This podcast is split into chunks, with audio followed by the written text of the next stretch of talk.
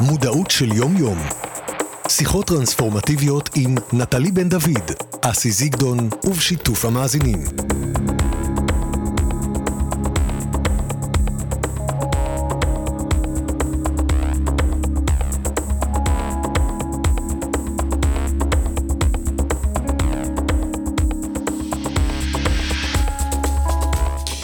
שלום לכם, אה, כל מי שמאזין לנו, ושלום לנטלי בן דוד, מה שלומך? אה, בוקר טוב, אסי. בוקר אה, אור. שלומי טוב. ואורנה יקירי העורכת שלנו, ואנחנו בשיחות טרנספורמטיביות. ולפני שנמשיך את המסע, ש... את הסוף של המסע הקודם שלנו, שהיה לפני שבוע, ונעמיק בשאלה שאיתה נשארנו, שתכף נגיע אליה, אה, כרגיל, אה, כאן ועכשיו. מה בכאן ועכשיו? חשבתי אה, ששאלת אותי איך אני מרגישה, ואמרתי שאני מרגישה טוב. מרגישה טוב כאן ועכשיו. כן, וחשבתי על זה ש... שזה גם הנושא של הפגישה שלנו היום, או של המפגש, של השידור. זה כמה אנחנו מודעים לזה שאנחנו בוחרים איך להרגיש. ואנחנו... אה, את, את, ה- עם מה שניבא זה שיש לנו ריינג', יש לנו מרווח מאוד רחב וגדול, כאשר אנחנו ערים לעצמנו לבחור. אפשר גם להגיד חרא, אני מרגיש חרא, אבל אתה צריך לדעת שזה גם בחירה. מהמם. זה לא האמת בשום מקרה. אמ, זה קשור למה שסיימנו איתו שבוע שעבר. אז אנחנו תכף נזכיר את זה, אבל כשאני אומר שאני מרגיש טוב, כמה רגעים יוצא לך להגיד אני מרגישה טוב? הרבה, כן? המון. אני יפה. בדרך כלל מרגישה טוב. ואיך את מודדת את זה? איך את, אה, כשאת אומרת אני מרגישה טוב? שאני נינוחה, שאין משהו ש... אין לי איזושהי מועקה, או איזושהי טרדה, או... אתה יודע, יש הרבה דברים לעשות, מהמם. אבל זה לא מה שאני מרגישה. יש לי, אתה יודע, צ'קליסט מאוד רחב, יש לי ייעוד מאוד uh, משמעותי, לתרום. יש משהו במדינה שלנו ש... שמאמן אותך להחזיק, להיות דרוך, ואז אתה לא חי, אתה בעיקר מתקיים. אתה מעין מצב של הישרדות כזאת. ו... וזה בעיקר סוג של התכווצות כזאת. אה, אוקיי. ואם, ואם אתה יכול לשים לב לגוף שלך ולנשימה שלך ולמה אתה חש, אז אתה, יש לך יותר מרווח אפשרויות. אה, כי הנסיבות הן אותן נסיבות, אבל הדרך שאתה מגיב אליהן אה, תשפיע על התוצאה ותשפיע על החוויה. אז המרווח הזה, המרווח הזה של הנשימה. ובדרך כלל אני מרגישה טוב, אלא אם כן אני לא שמה לב לנשימה שלי. אוקיי, אז בואי ניקח את המרווח, ונזכר בסוף של התוכנית הקודמת, ושאלנו בעצם, נשארנו עם השאלה על הרגע הזה שבו אדם רואה שיש פער אה, בחיים שלו. פער בין, אה, את יודעת, יהיו שיגידו מצוי ורצוי, אולי את תיטיב לנסח את זה, אה, אבל הוא מבחין בפער. ואמרנו, אוקיי, בנקודה הזאת מתחיל משהו. נכון, בנקודה הזאת מתחיל... אה, בואי ננסח רק, אה, תעזרי לי לנסח את השאלה. בעצם הפער הוא בין אה, איך שהיית רוצה לחיות לאיך שאתה חי, בהכי פשוט. נדמה לך שיש פער, פער מדומה. במציאות לא קיים פער. במציאות אתה חי את החיים שלך. אז מאוד- בואי נדבר, בואי, מאוד בואי שנייה נוח נעמיק... לאנשים אה, להגיד. בואי נעמיק שנייה ב, באשליה, במדומה הזה רגע, בתור התחלה. מה זה אומר פער מדומה? זה מצחיק אותי. זה כי- טוב שזה כי מצחיק אותך. במציאות יש רק את מה שיש. זאת אומרת, אוקיי. יש את... אני אתן לך דוגמאות, בסדר? לא, אבל אנחנו כל הזמן... אני אתן לך דוגמאות. מעולה, אבל אני אומר, לפער, לפער. אנחנו חיים את מה שיש, אבל בתודעה שלנו אנחנו לא חיים את מה שיש. איזה חיים את מה שיש? אף אחד לא חי את מה שיש, כולם חיים את הפער. הלוואי ואנשים היו חיים את מה שיש, הם היו סובלים, או לא היו סובלים בכלל.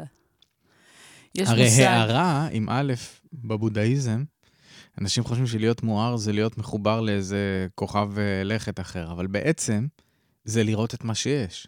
זה להיות נוכח במה שיש, בלי פרשנות, בלי אינטרפטציות. לא, זה לא מדויק, זה בסדר, בלי, זה עם פרשנות ועם אינטרפטציות, אבל שאתה יודע שהפרשנות היא פרשנות סובייקטיבית ושהיא השלכתית. אוקיי, אתה ער, אתה ער למה שמתרחש, לא, אין, אין לא ב- ביש. יש את מה שיש, אין לא.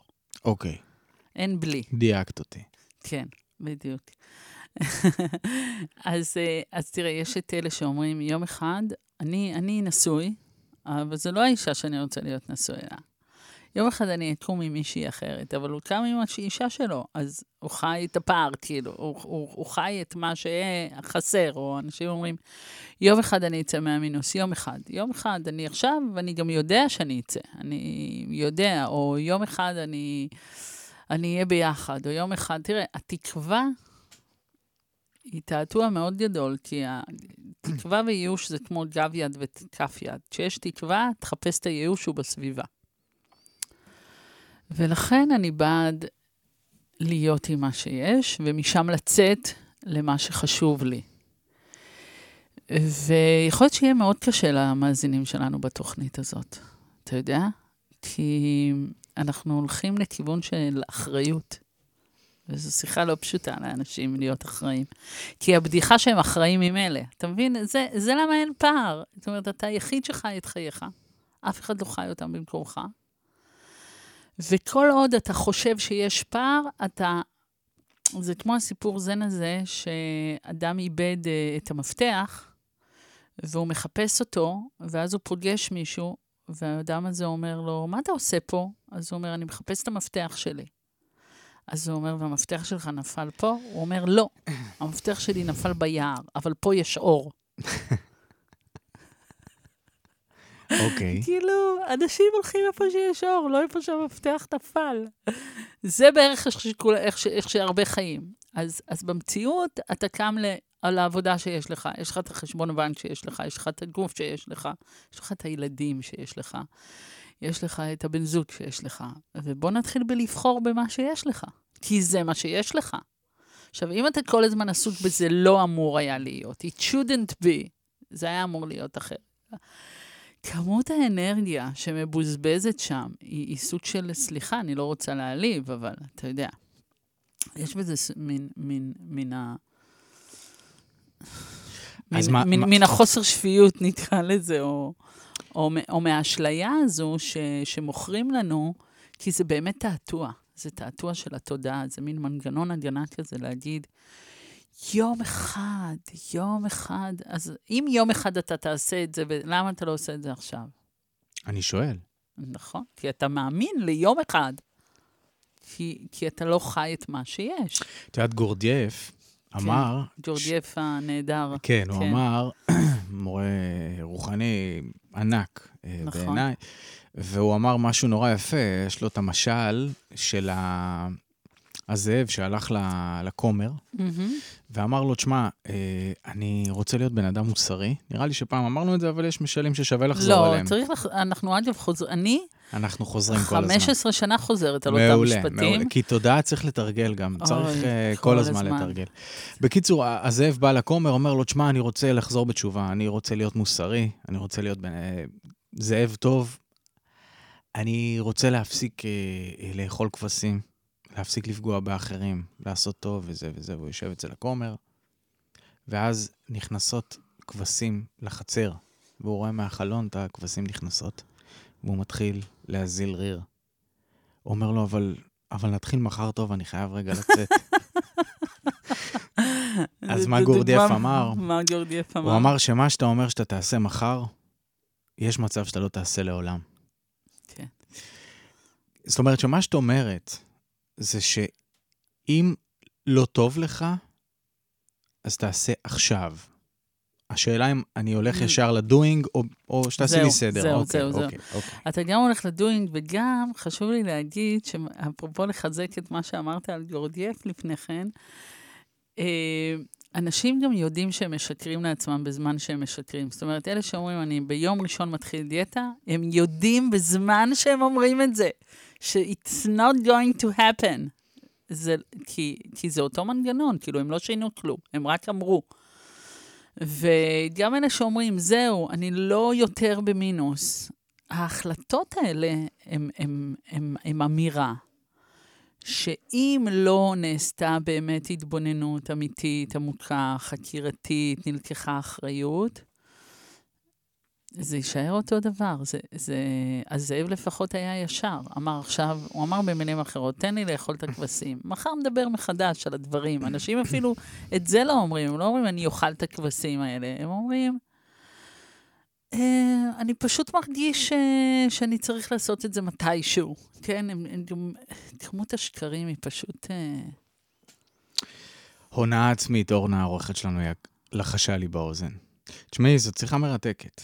אני כן, מבין אני מרגע לרגע את, אה, את העומקים ואת הרבדים ואת החוכמה שיש בשיחה הזאת. בואי נעכל טיפה ביחד עם, ה... עם עצמנו ועם המאזינים את הדברים, כי צריך עכשיו לפתח אותם בעדינות, צעד אחר צעד, כי את השקר הזה צריך לפרק. ונשמע שיר שאת ביקשת, שיר שאני מאוד אוהב.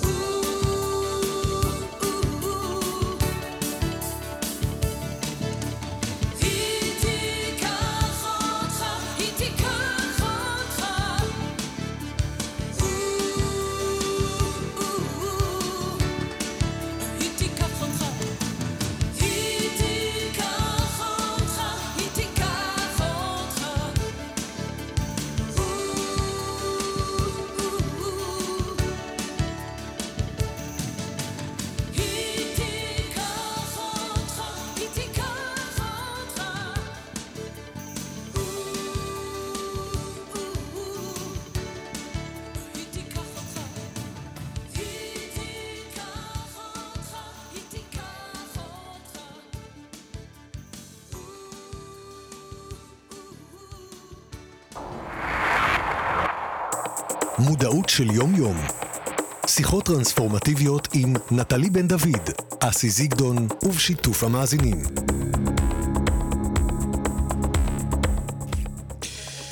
העולם הזה המוזר שבו אנחנו גרים הוא יותר מופלא מנוח, והוא יותר יפה משימושי. אז אולי עדיף להתפעל ממנו יותר ולהשתמש בו פחות. הנרי דיוויד תור, ארצות הברית, המאה ה-19. אורנה יקיר תמיד מכניסה לנו טקסטים שהקשר ביניהם לבין השיחה הוא קשר עם קסם. נכון, הוא כזה קשר אה, מסכימה. שצריך לחשוב עליו. אני אקריא את זה עוד פעם. העולם הזה המוזר שבו אנו גרים הוא יותר מופלא מנוח, והוא יותר יפה משימושי. אז אולי עדיף להתפעל ממנו יותר ולהשתמש בו פחות. איזה טקסט מדהים. בואי גם נחזור... הטקסט של אה, אה, דפנה הרמוני היה מדהים, אתה לא חושב? כן, כן. אתה אוהב את. השיר הזה, מאוד, נכון? מאוד, מאוד, שיר מאוד יפה. כן. אוקיי, נחזור לשיחה שלנו. כי זאת שיחה חשובה, ויש בה הרבה הרבה רבדים, לטעמי. אז אנחנו מדברים על השקר. התחלתי את התוכנית, אמרתי, יש פער בין איך שאנחנו רוצים לחיות לבין אנחנו חיים, איך שאנחנו חיים, ואז אמרת, ידידי היקר אסי, אין פער. הפער הוא אשליה. יש רק את מה שיש. ואז התחלנו להיכנס לדבר הזה שבו אנחנו חיים את השקר הזה. אנחנו לא חיים את מה שיש. אנחנו חיים כל הזמן איזה תעתוע תודעתי, שבו אנחנו מחכים שדברים ישתנו, והשאלה מה אנחנו יכולים לעשות, ואם אנחנו צריכים לעשות. כי עשייה היא עשייה, והוויה היא הוויה. ואני רוצה רגע לדבר על הציר הזה, להעמיק בו עוד. זאת אומרת, בן אדם קם בבוקר עם אישה לידו, והוא אומר, זאת לא האישה שאני רוצה. יום אחד אני אקום עם אישה אחרת. זה את אמרת, אני רק מצטט אותך. ואת אומרת, אבל זאת האישה שיש. נכון. ואז מה האופציות שלו? קודם כל, להכיר בזה שהאישה שהוא קם איתה בבוקר, היא האישה שלו.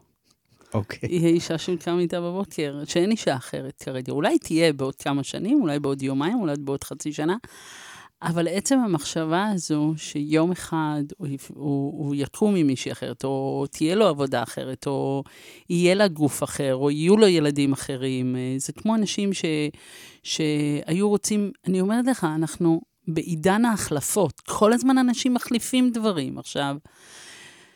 והם, או, או שהם אומרים, יום אחד אני אחליף, יום אחד זה יקרה. עכשיו, הם יודעים שזה שקר.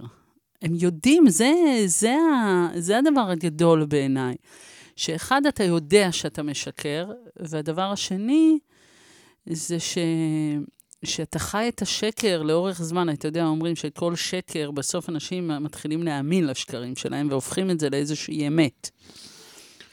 אז בעיניי, אה, יש פה כפל משמעות, בדיוק כמו שהסיפור שסיפרת של גורדייף על הזאב, וכמו הסיפור שאני סיפרתי על המפתח, החיפוש שיהיה יום אחד משהו אחר צריך להיפסק.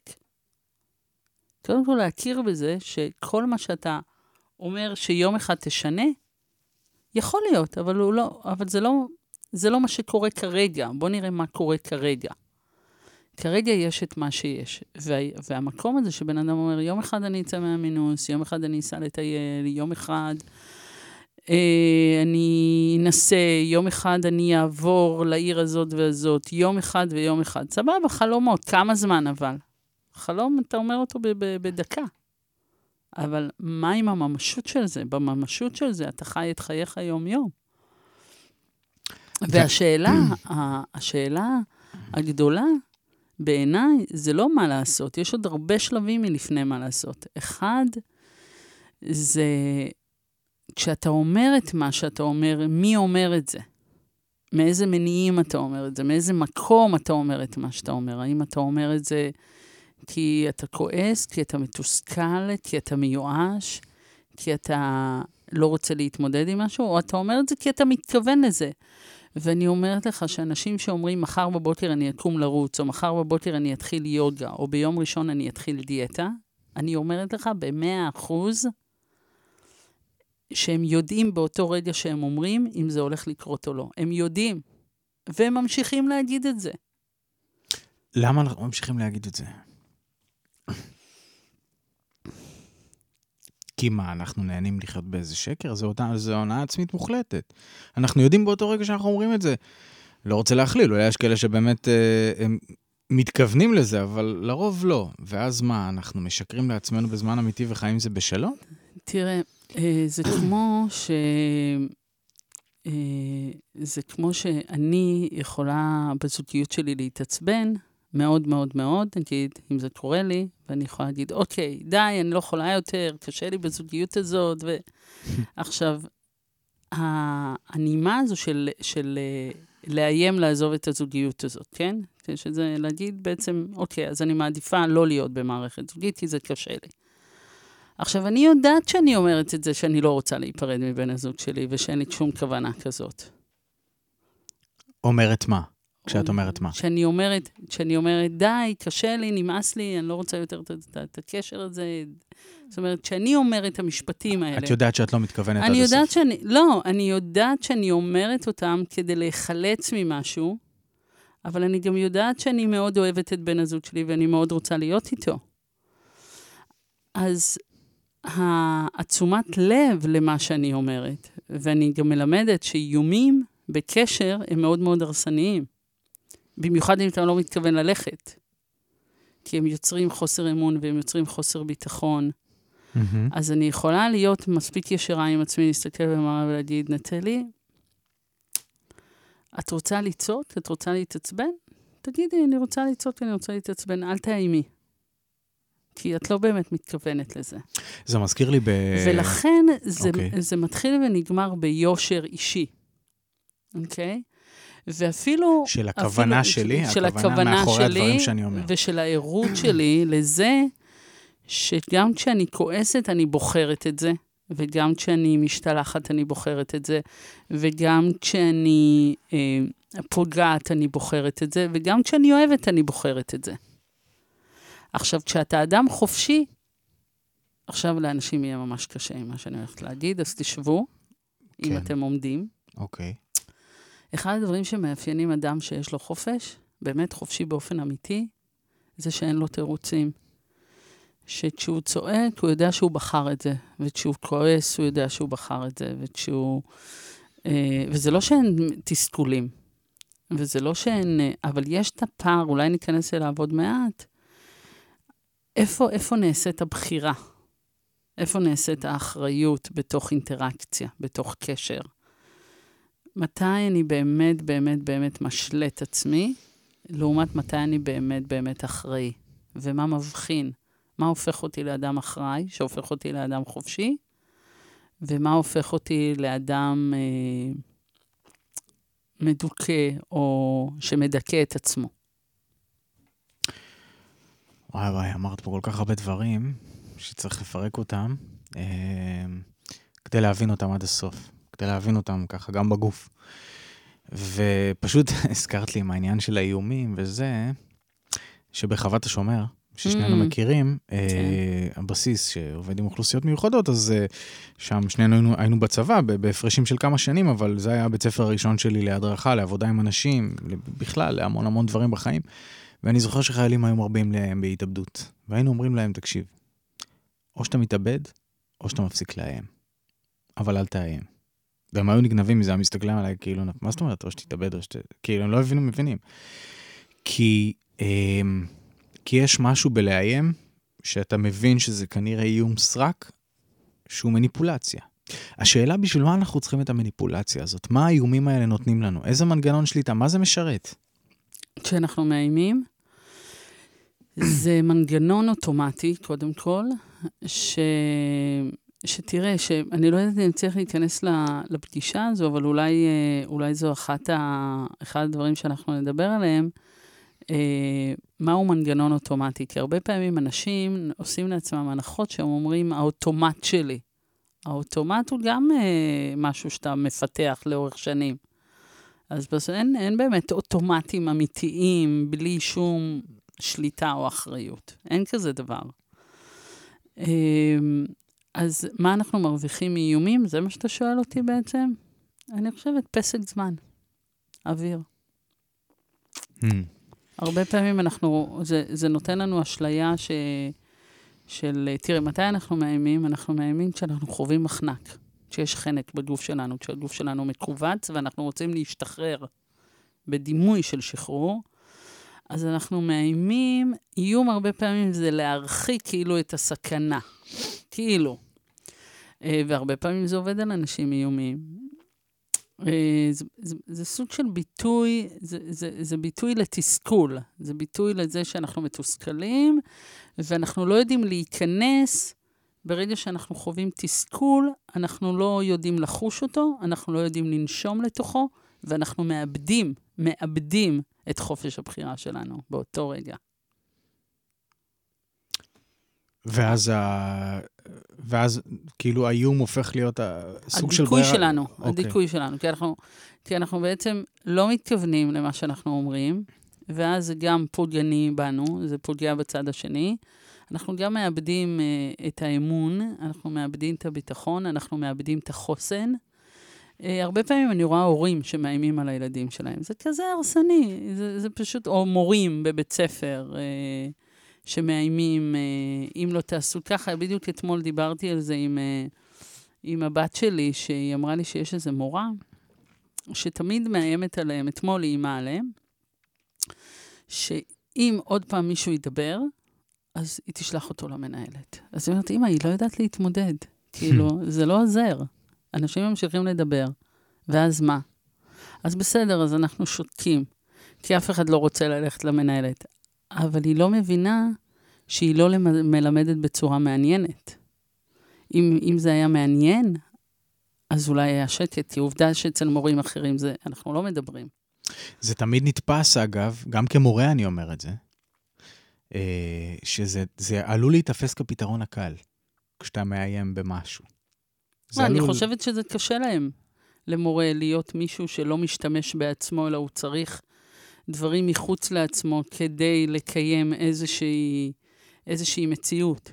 כשאתה מאיים, אתה בעצם אומר, לי אין את היכולת. אין את הכוחות. אין את הכוחות לטפל בדברים, לנהל אותם. אין לי כוח, אני צריך את, ה, את הקביים על ידי. Mm-hmm.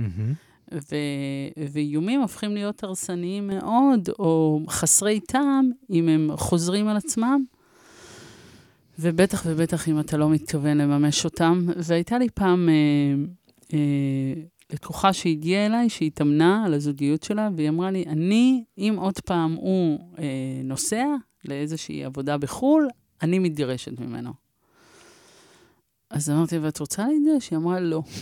אז אמרתי לה, אז אני מזמינה אותך לשים לב, לבדוק למה את אומרת את זה. למה את מייחסת את האיום הזה? למה, למה את הולכת לשם אם את לא מתכוונת? אה, בסוף אתה גם נחלש בעצמך, כי המילה שלך הופכת להיות כבר לא שווה. כן. אז זה עוד לפני שאנחנו עושים, אנחנו רוצים לשים לב ל... לאיך אנחנו בעצם uh, מפרשים את המציאות שאנחנו חיים בתוכה, את היש. ואחרי שאנחנו מתבוננים במציאות שלנו כפי שהיא ומוכנים להגיד, אוקיי, בוא נראה מה יש לי. יש לי את מה שיש לי. מפה, בוא, בוא, בוא נתבונן איך אני מתמיר את מה שיש לי למשהו אחר, אבל קודם כל צריכה להיות הכרה במה שיש, ולא במה שאין. כי אי אפשר לטפל במה שאין. אי אפשר. בואי רגע, אה, תספרי לי מה יש לך בחיים היום. היום? כן. או, יש לי הרבה דברים. תני לנו כמה דוגמאות, שכל אחד גם יוכל לקחת את זה למקום שלו, לאיזו הסתכלות נכוחה. אה, קודם כל, אה, יש לי את עצמי. יש לי את הגוף הזה, שניתן לי על ידי הוריי. אז יש לי את עצמי. יש לי את הנשימה שלי, שזה הכלי הכי חשוב שיש לי בחיי. את היכולת לחוש, את היכולת לנשום. יש לי את החשיבה שלי, את התודעה שלי. אמ, לא הייתי רוצה להגיד שיש לי את הבת שלי ואת הבן זוג שלי, כי הם לא שלי. אני מתייחסת אליהם כמו אנשים שהם הם, הם, הם אה, במרחב שלי. אה, אני יכולה להגיד, יש לי, יש, לי, יש לי ילדה, יש לי בן זוג, יש לי, אה, יש לי תלמידים, יש לי עסק, אבל זה לא באמת מה שיש לי, זה מה שאולי אתה יודע, יצרתי יצרת. במהלך חיי. כן. אבל מה שיש לי זה את הגוף שלי, את התודעה שלי ואת הנשימה שלי. זה מה שיש לנו, את מי שאנחנו. וכשאנחנו... כל היתר זה יצירות שיצרנו, או קשרים שקשרנו, או קשרים שהתרנו, או ידע שרכשנו, זה כבר לא מה שיש לנו, זה מה שנוכח. אני- ואתה יודע, ואתה יודע, אני רוצה להגיד משהו, מהמם. שזה נורא, אה, לפעמים, אתה יודע, לשפה, השפה זה דבר מדהים, היא הרבה יותר מהירה מהמחשבה שלנו. ו, וזה ש, ש... ושמתי לב שאמרתי, זה לא... כל הדברים שמניתי מחוץ לעצמי, ואמרתי, זה משהו שיצרתי, משהו שבניתי, משהו שרקמתי, משהו שכיוונתי אליו. זה הרי כל כך מדויק, כי, כי זה משאיר בידיים שלנו את האחריות ליצירה של חיינו. וזה, ולכן החיים זה לא משהו שיש לך, זה משהו שאתה יוצר. יש לך אותך. עכשיו, נסגור את הקטע הזה, נשמע כמה צלילים, אבל אני עומד בכוונה על הנקודה הזאת. כי הנקודה הזאת של אנשים להיות נוכחים בחיים שלהם ולראות את מה שיש להם, היא מהותית. היא מהותית, היא קריטית, בתוך האשליה. אז בוא, אז בוא נדייק אני את רוצה זה שאנשים למה שמקשיבים, ש... מה שהם יצרו בחיים שלהם. אוקיי, אני רוצה פשוט שמי שמקשיב יוכל רגע להסתכל מבט נוכח על החיים שלו. זה שמתעורר בבוקר עם האישה שהוא אומר שעוד כמה שנים הוא ירצה ש... שהיא תהיה אחרת. הוא לא מרוצה מהאישה שאיתו, אוקיי? מהמם. אז הוא עכשיו מקשיב, או היא, ו... ו... ומה אנחנו מציעים להם בעצם לראות? נכוחה. לראות קודם כל את מי שנמצא על ידם כביטוי של הבחירה שלהם כרגע, ברגע זה, ולא כביטוי של סבל. זה מה שהם בחרו. הם יכולים לבחור אחרת, ואם הם לא בוחרים אחרת, הם כנראה גם לא רוצים לבחור אחרת. זה מה שיש, שהם בחרו, זה מה שהם יצרו. והבחירה הזאת, לבחור במה שבחרתי כל פעם, ולהגיד, אוקיי, זה מה שבחרתי. אה, ולהסתכל גם איפה זה פוגש אותי, כי יש סיבות לבחירות שלנו, הן הרי מדויקות עבורנו, בטח בזוגיות, בטח במפגש עם, עם את אנשים. אומרת את זה כאילו זה מובן מאליו, הן הרי מדויקות עבורנו, אבל צריך אה, לחדד את זה. זאת אומרת, נקודת ההנחה שלך היא שהבחירות שלנו הן מדויקות. מה זה אומר מדויקות? זה אומר שאנחנו יכולים אה, לראות מה השיעור שלנו שם, מה ההתפתחות שלנו, ואנחנו יכולים גם לעזוב את זה. אבל אין, אין, אה, אין טעויות בעיניי בבחירות. אם בן אדם בחר מישהו, בזמן שהוא בוחר, אה, שבוע שעבר פנה, פנתה אליי מישהי שהיא בזוגיות, יש לה חמישה ילדים, והיא שוקלת, אה, שוקלת להיפרד מבעלה. ואז היא שאלה אותי, אם אני חושבת ש... אם אני אומרת באיזשהו שלב בתהליך, אם כדאי להישאר ביחד או להיפרד. אמרתי, ממש לא. אני אומרת? אני נפגשת איתכם שעה וחצי בשבוע, אני אגיד לכם אם לחיות ביחד או לא, נראה לך? במיוחד שיש חמישה ילדים? ממש לא, זה בחירה שלכם, אבל אני מאמינה שאם אתם באים ביחד, חשוב לכם להיות ביחד. אני כן בודקת מה נוכח כרגע בקשר שלכם. יש שם תשוקה, יש שם מיניות, יש שם חיבה. ואז uh, היא אמרה לי, ומה עם כל הדברים המשקעים הקשים מהעבר? אמרתי לה שאין מס שאי אפשר לנקות, השאלה אם רוצים. וכאן נכנסת הבחירה עם מה שיש. שאלה מה אתה עושה עם מה שיש, ואם אתה בוחר להיות אחראי על זה שמה שיש לך היום הוא חלק מהיצירה שלך. בין אם אתה מרוצה ממנה ובין אם לא, היא חלק מהיצירה שלך. ואמרתי שאנשים אחראיים וחופשיים, אין להם תירוצים. טוב, זה היה חזק. אמ, כי העניין שיר, הזה לא? ש... כן, כן, העניין הזה של, ה... של העבר וההווה והבחירה, ונגעת בחופש, וזה מחבר תמיד את הציר של חופש, אחריות ובחירה, זה ציר אחד. עוד נעמיק בזה אחרי השיר, והזמן היום כבר לא יספיק לנו, יש עוד הרבה מה לדבר על הנושא הזה, אבל אנשים חיים משקעים. אנשים חיים עבר. נכון, ועל זה מאוד כדאי... מאוד מאוד קשה שנ... להם לנקות, מאוד נכון. קשה להם. לפעמים זה נראה אה, לא אנושי. נכון, אז אנחנו יכולים לדבר על זה קצת היום. אוקיי, אוקיי. אוקיי.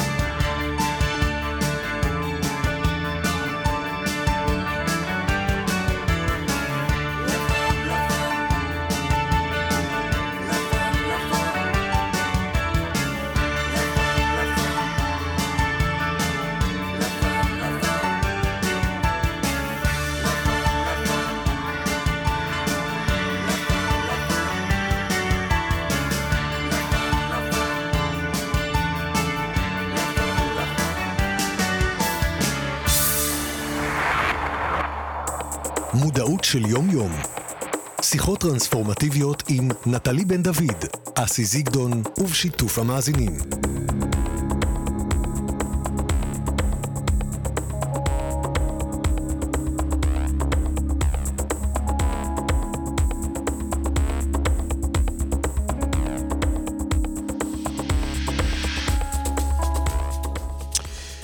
להיות נקי ונוכח כאן ועכשיו. סיימנו את השיחה הקודמת עם משקעים מהעבר, על הציר הזה שבו אדם נתקע שם ולא מצליח לראות את מה שיש. כי העבר כל הזמן מייצר ערפל.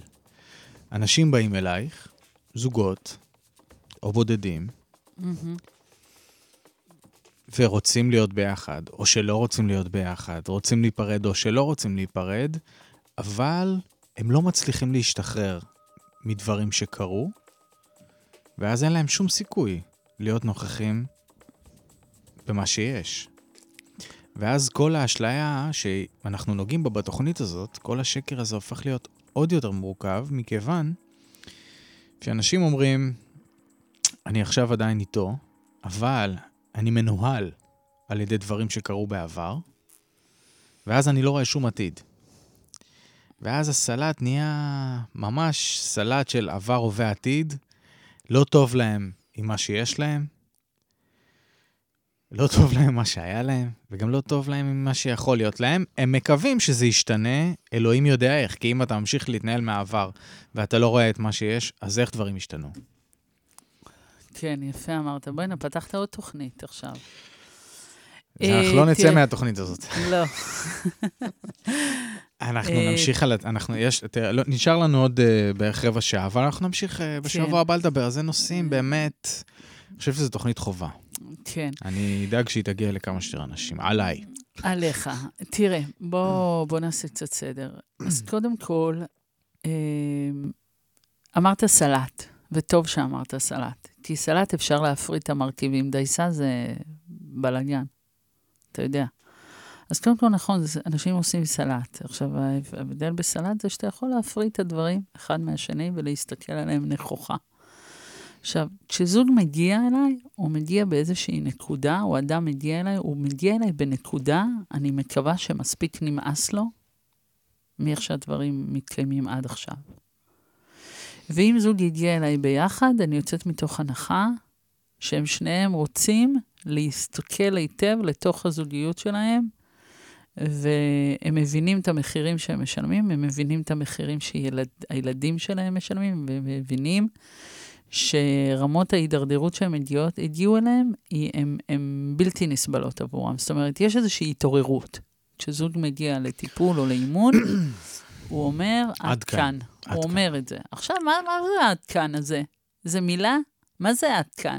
אני, מה זה? מה זה? אז אני שואלת אותם. שואלת, תגיד, למה אתה מתכוון עד כאן? מה, מה אתה אומר, שאתה תפסיק אה, לעשות את מה שאתה עושה? את תפסיקי לעשות את מה שאת עושה? זאת אומרת, מה, מה זה אומר עד כאן? והם פוחדים להגיד שהם יפסיקו לעשות את מה שהם עושים, כי הם לא סומכים על עצמם שהם יפסיקו. כי היא אומרת, זו, זה קורה לי אוטומטית, הוא אומר, היא מחרפנת אותי, אתה מבין? זאת אומרת, יש את. הסימביוזה הזו, היא, היא כביכול תלויה אחד בשני. עכשיו, בתחילת התוכנית, אתה דיברת על הערה, מהי הערה? באלף, בבודהיזם. ואני רוצה לתת לך נקודת מבט חדשה על מהי הערה, ואני יודעת שאני פותחת פה סוגריים, אני גם אסגור אותם, ואנחנו נעשה על זה תוכנית נפרדת. הערה זה שקרמה מסוימת הסתיימה. זאת אומרת, למשל, אני אקח דוגמה של הקרמה שהסתיימה עם אימא שלי, אוקיי? פעם, כשהיה בי, אה, אה, כל הזמן הי, הי, הייתי, היה לי מין כעס כזה מול אימא שלי, שכשהיינו מדברות או כשהיינו משוחחות, בזמן מאוד קצר זה היה מתפוצץ.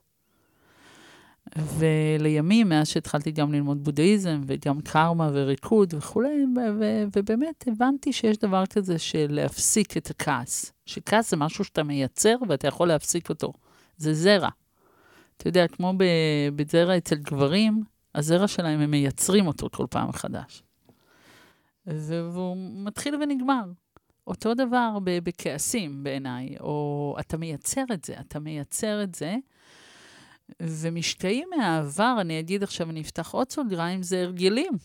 זה, אתה רגיל בדרך מסוימת להגיב, אז בואו נכיר את ההרגל הזה, את הדרך הרגילה שלך להגיב. מה זה הרגל ורגיל? זה אותו דבר. וזה גם הרגל שאתה הולך איתה. זה, זה גם מה שקובע את המציאות שלך. אז היום אני יכולה להגיד לך, שלא רק שלא בלבי כעס עם אמא שלי, וזה לא משנה על מה היא תדבר, זה לא משנה כמה היא תדבר, זה לא משנה מה היא תגיד. הסתיימה לי קרמת הכעס איתה. לתמיד. והאופציה הזו של משקע... למה אני משתפת את זה? כי יש לי משקעים, נכון? מהעבר. אה, היא התייחסה אליי בדרך מסוימת, היא דיברה אליי בדרך מסוימת, היא הייתה אימא מסוימת, אני יכולה להגיד על זה הרבה דברים, אבל זה, זה, זה, זה הבשיל והסתיים.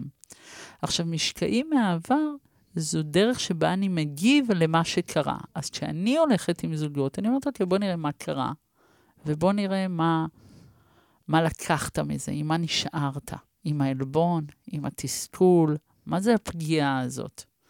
עכשיו, האם הפגיעה הזו מייצרת כל פעם מחדש את הכעס? אז אתה מייצר אותו. השאלה אם אתה מוכן לשים לב בפעם הבאה שקורה משהו, אם, אם אתה מוכן לשקול להיות אדם חופשי. עכשיו, מה זה להיות אדם חופשי? אני אגיד עכשיו משהו שאולי יהיה עוד יותר קשה לאנשים, אני כל הזמן מזהירה אותם, אבל לא נורא. בטח אנחנו אומרים פה דברים לא קלים לעיכול. להיות אדם חופשי זה להיות מישהו ששם לב לנשימה שלו לפני שהוא מגיב. Mm. קורה משהו במציאות, למה אני מתעקשת עם אנשים על מה הם חשים? אתה יודע למה? בגוף. כן, מה הם. חשים בגוף. אתה יודע למה אני מתעקשת שאנשים יחושו? למה? כי אם אתה לא יודע לחוש, אתה לא יודע מתי אתה מאבד את הנשימה, מתי אתה נחנק. וכשאתה נחנק, אתה מגיב בדרך שפוגעת בך ובאחרים. אז אם אתה לא יודע להבחין במחנק, אתה לא, אז אתה לא יודע לחוש. אם אתה לא יודע לחוש, אתה לא יכול להיות אדם חופשי. וחופש הוא היכולת לבחור את התגובה במתאם לנשימה ננוחה. החופש הוא היכולת שלך להיות אדם שיש לו חופש, זה היכולת שלו לבחור את התגובה שלו בזמן שהוא שם לב לנשימה שלו. והבחירה היא שם. אפרופו אחריות ובחירה וחופש, הציר הזה ששמת ביחד, הוא הציר של הנשימה. הוא הציר של התגובה. יש קשר בין אחריות לבין נשימה, לבין חופש, לבין פעולה, לבין תגובה. צריכה להסביר את זה רגע, את הציר. את- אתה בנית אותו, אני רק השתמשתי בו. כן, אתה אמרת שיש ציר שנקרא, נכון. שכשאני שם לב, כשאני יודע לחוש, אז מישהו אומר לי משהו, מהמם. אוקיי? או שנגיד אני אומרת, אה, הוא לא מקשיב לי. עכשיו, יכול להיות שבאמת הוא לא מקשיב לי. ואז כשאני לא מקשיבים לי, אני חווה תסכול. עכשיו, נכון, אני חווה תסכול. מה זה תסכול? קורה לי משהו בגוף.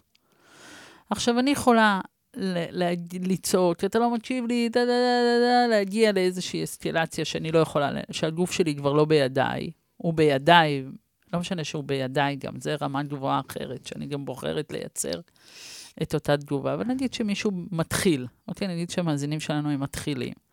אז מישהו אומר לי משהו, או מישהו עושה משהו, או אני אומר לעצמי משהו. עכשיו, אם אני יודע למשל שמישהו אומר לי משהו ואני חווה איזשהו תסכול או חוסר נוחות, אם אני אשים לב למה קורה לי בגוף, למה אני חש, ואני אנשום באותו רגע לתוך זה, ואני, בזמן הנשימה אני גם בוחר, מה זה אחריות? אחריות זה לשים לב לנשימה שלי. ואם אני בוחר עכשיו ש... שאני נושם, אני בוחר את התגובה שלי, אז השפעתי על כל המציאות שלי. לכן חופש הוא הבחירה שלי, אחרי תשומת לב לנשימה שלי, לפעול. עכשיו, אני יכולה אחרי הנשימה שלי לבחור לצעוק. סבבה, את רוצה לצעוק, תצעקי. את רוצה לריב, תריבי, אבל תדעי שבחרת את זה. שבדרך כלל זה לא יקרה ככה, כי כשאתה. נושם, משהו נרגע גם. משהו נרגע, וזה זה הקשר בין המודעות לבין הגוף. הרבה פעמים כשאין קשר בין הבחירה המנטלית לבין התחושה הגופנית, אז אין, אה, אין, אין, אה, אין, אין בגרות, אין, אין התבגרות, אין, אין אחריות. אם הגוף הוא מכיוון אחד והתודעה היא בכיוון אחר, אין קשר ביניהם, אז באמת, אני, קשה לי מאוד להיות אחראי. זה לא אומר שאני לא יכול, זה אומר שאני לא למדתי עדיין, או שאני לא מאומן בזה. לכן אני אומרת שאנשים פשוט, אם הם באמת באמת נמאס להם, הם ילמדו, והם ילמדו להכיר את הגוף שלהם, להכיר את התחושות שלהם, להכיר את המחנק ולבחור מחדש. אוקיי, אוקיי. זו הייתה אחת התוכניות הגדושות ביותר באינפורמציה שאני חוויתי וברבדים. אנחנו נצטרך לפרוט uh, בתוכניות הקרובות המון המון דברים שנגענו בהם. צידה לדרך. אני מנסה לאסוף את הצידה לדרך מהשעה הזאת. אני מנסה עם עצמי בתוכי להתפקס ולנסות לפקס את מי שמאזין לנו. להתפקס כאן ביחד איתך uh, באולפן. ואני קודם כל לוקח מהשיחה הזאת שהנושא מורכב משחשבתי, בתור התחלה. אמ, אני לוקח מאוד חזק את האשליה, את האשליה, שאנחנו חושבים שאנחנו חיים אה, פער, וזה מאוד חזק האמירה הזאת, שאין פער. אנחנו יכולים לחיות רק את מה שיש. אגב, זה עיקרון מספר 4 בשיטת סאטיה. לשיטת סאטיה יש עשרה... מהו ניסוחו. המדויק של העיקרון? אני לא זוכרת אותו. התופעה שנקראת החיים, התופעה שנקראת החיים מתקיימת בתוך הפער, אבל במציאות אין פער. Mm. זה ב- ב- בשפה חופשית, אבל אני יכולה לה- לה- להגיד לך אותו באופן אה, מדויק בפעם הבאה. תראי, בהקשר של התעוררות, הדבר החזק ביותר שאני לוקח מהתוכנית, ואפרופו מה שאמרת עכשיו, הוא שהשקר הגדול ביותר של האדם הוא האשליה שהוא חי פער. נכון. וכל זמן שהוא חושב שהוא חי פער, הוא חי בשקר, כי הוא לא חי את מה שיש. ואחרי שהוא מתעורר מהשקר הזה, יש לו כמה בחירות שהוא יכול לעשות. אבל אז הוא יודע שהוא בוחר, והוא מבין שהוא חי בשקר. וזה מהותי, כי אנשים יכולים לחיות ככה חיים שלמים. באמירה הזאת, שיום אחד זה ישתנה, ואני לא מרוצה, זה יש לי פער, וזה לא החיים שרציתי, והם מספרים סיפורים, ויום אחד, וזה וזה, ותכלס, הם גם לא חיים את מה שיש, הם גם לא עושים שינוי, וכלום לא קורה, ממשיכים להיות מתוסכלים, חיים כאילו פער, כי אין פער, כי יש להם חיים, שאו שהם חיים אותם, או שהם משנים אותם בסוף, נכון? כי בסוף זה מה לגמרי. שקורה. לגמרי. בסוף או שאתה חי, הם יכולים או שאתה משנה ליהנות את זה. ממה שיש, ובתוך זה ליצור מחדש את מה שהם רוצים, אבל הם יכולים ליהנות ממה שיש ולהפסיק להתלונן ולסבול כל הזמן. בדיוק כמו שאמר אדון הנרי טורו, דיוויד. נקריא זאת. שוב, נקריא זאת כן, שוב. מה שאמר דיוויד, תקשיבו טוב טוב. העולם הזה המוזר שבו אנחנו גרים הוא יותר מופלא מנוח, והוא יותר יפה משימושי, אז אולי עדיף להתפעל ממנו יותר, ולהשתמש בו פחות. ואם אני מתרגם לשפת התוכנית הזאת, ספציפית, לחיות יותר, לסבול פחות, לחיות יותר באמת ולשקר פחות. לגמרי. תשמעי, זה...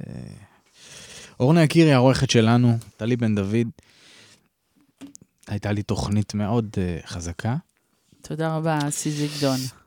תודה לך, uh, ואם אתם האזנתם לתוכנית הזאת, אני מציע שתפיצו את הלינק שלה, שבטח יהיה היום ל-on demand, כי אני מרגיש... Uh, יש גם שידור חוזר היום נכון, בלילה. בעשר בערב וגם בשישי בשמונה בבוקר, אבל אני, באופן כללי אני מרגיש שהרבה אנשים צריכים uh, להאזין לתוכנית הזאת. אז תודה רבה לכם.